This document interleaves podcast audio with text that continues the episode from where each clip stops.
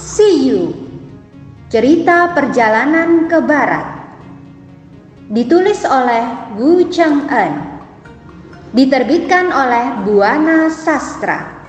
Selamat mendengarkan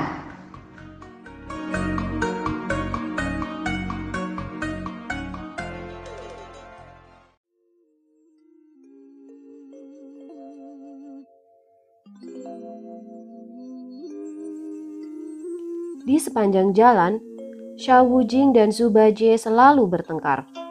Xiao Wujing selalu mencela Zhu Bajie yang mau enaknya saja. Sedangkan Xiao Wujing harus memikul buntalan yang cukup berat. Karena bertengkar terus, terpaksa Tang Sanjiang melerai pertengkaran mereka. Sesudah beberapa hari, perjalanan mereka sudah menempuh jarak yang cukup jauh mereka menempuh jarak tak kurang dari 299 li jauhnya.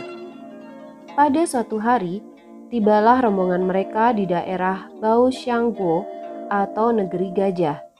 Diperkirakan negeri ini adalah Thailand. Kota yang mereka singgahi cukup besar dan ramai. Kemudian, Tang Sanjiang menyuruh muridnya supaya mencari penginapan untuk beristirahat dan bermalam. Akhirnya, mereka menemukan penginapan di dekat istana.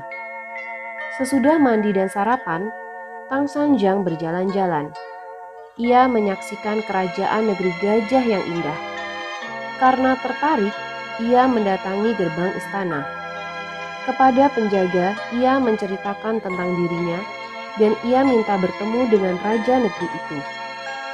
Maksud kedatangan Tang Sanjang adalah untuk meminta agar raja negeri itu mau memberikan cap dan tanda tangan kerajaannya.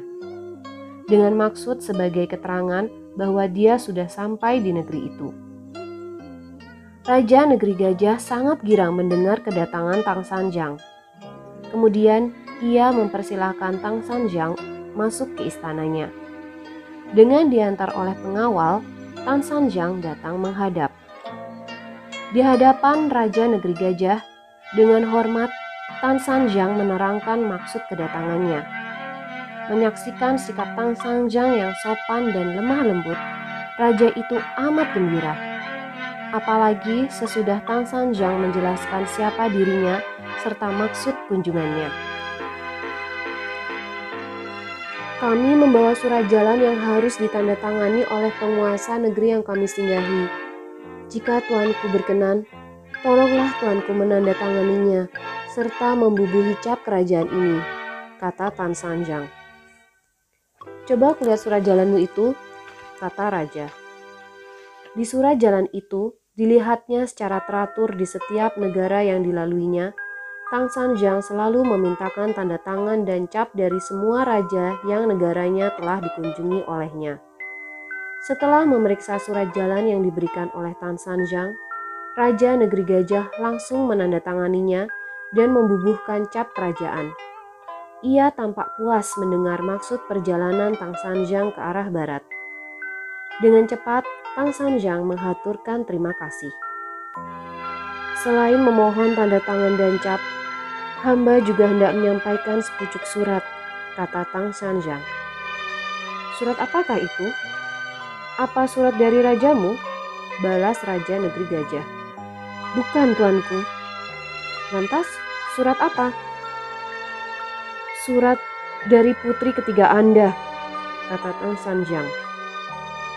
Apa? Di mana kau bertemu dengannya? Sang raja heran. Tan Sanjang lalu menceritakan tentang pertemuannya dengan Bai Huashu di Gua Siluman. Setelah mendengar keterangan Tang Sanjang, Raja menangis sedih sekali. Ia teringat pada putrinya yang telah hilang selama 13 tahun. Ah, sungguh celaka. Semula kukira putriku hilang karena keteledoran para menteri dan dayang. Sehingga para dayang dan menteriku banyak yang sudah dipecat. Ternyata putriku hilang karena diculik siluman. Sang raja menunduk sedih. Sesudah agak reda kesedihannya, kemudian raja berkata lagi, "Mana suratnya?" Tan Sanjiang menyerahkan surat itu. Dengan tangan gemetar, sang raja menyambut surat dari putri ketiganya. Namun, raja tak sanggup membaca surat dari putrinya, sehingga dengan terpaksa pegawainya membacakan surat itu. Dalam surat, Washu menjelaskan bagaimana ia telah diculik oleh siluman 13 tahun yang lalu.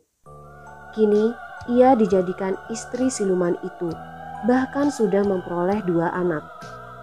Sudah lama ia ingin memberikan keterangan tentang dirinya, tapi selalu tak punya kesempatan. Secara kebetulan, ia bertemu dengan biksu Tang yang ditawan oleh suaminya. Pada kesempatan itulah ia mengirim surat itu. Di akhir surat, Bai Washu berharap agar ayahnya mengerahkan tentara untuk membunuh siluman yang menahannya. Siluman itu bernama Huang Paoliang siluman berjubah kuning. Tempat tinggalnya di gua air bulan di Gunung Mangkuk. Sesudah mendengar isi surat yang dibacakan oleh pegawainya, Raja menangis sedih sekali. Begitu juga Permaisuri. Para menteri pun ikut berduka atas kemalangan putri raja mereka.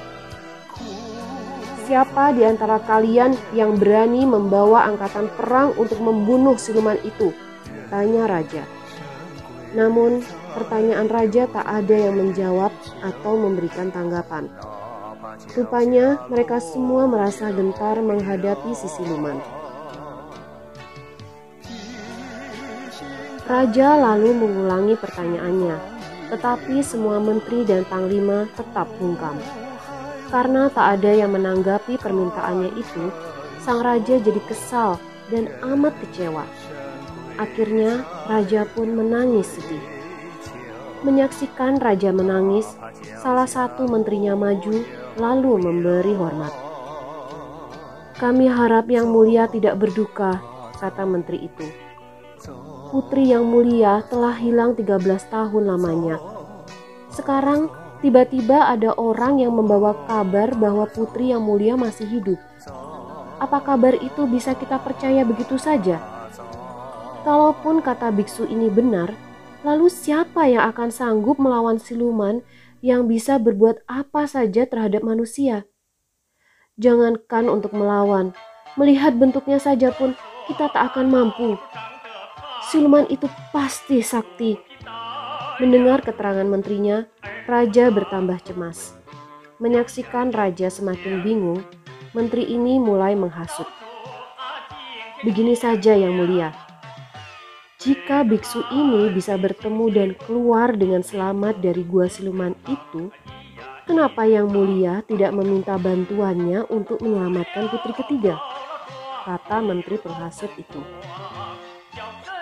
Ucapan menterinya membuat raja terhasut juga.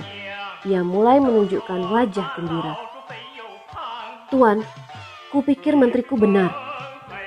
Kau bisa bebas dari gangguan siluman itu bahkan kau sempat bertemu dengan putriku. Itu berarti kau punya kepandaian yang cukup tinggi. Tuan, karena itu aku ingin meminta bantuanmu agar kau mau menolong menyelamatkan putriku.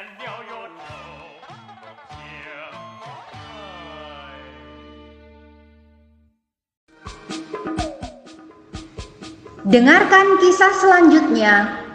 Terima kasih.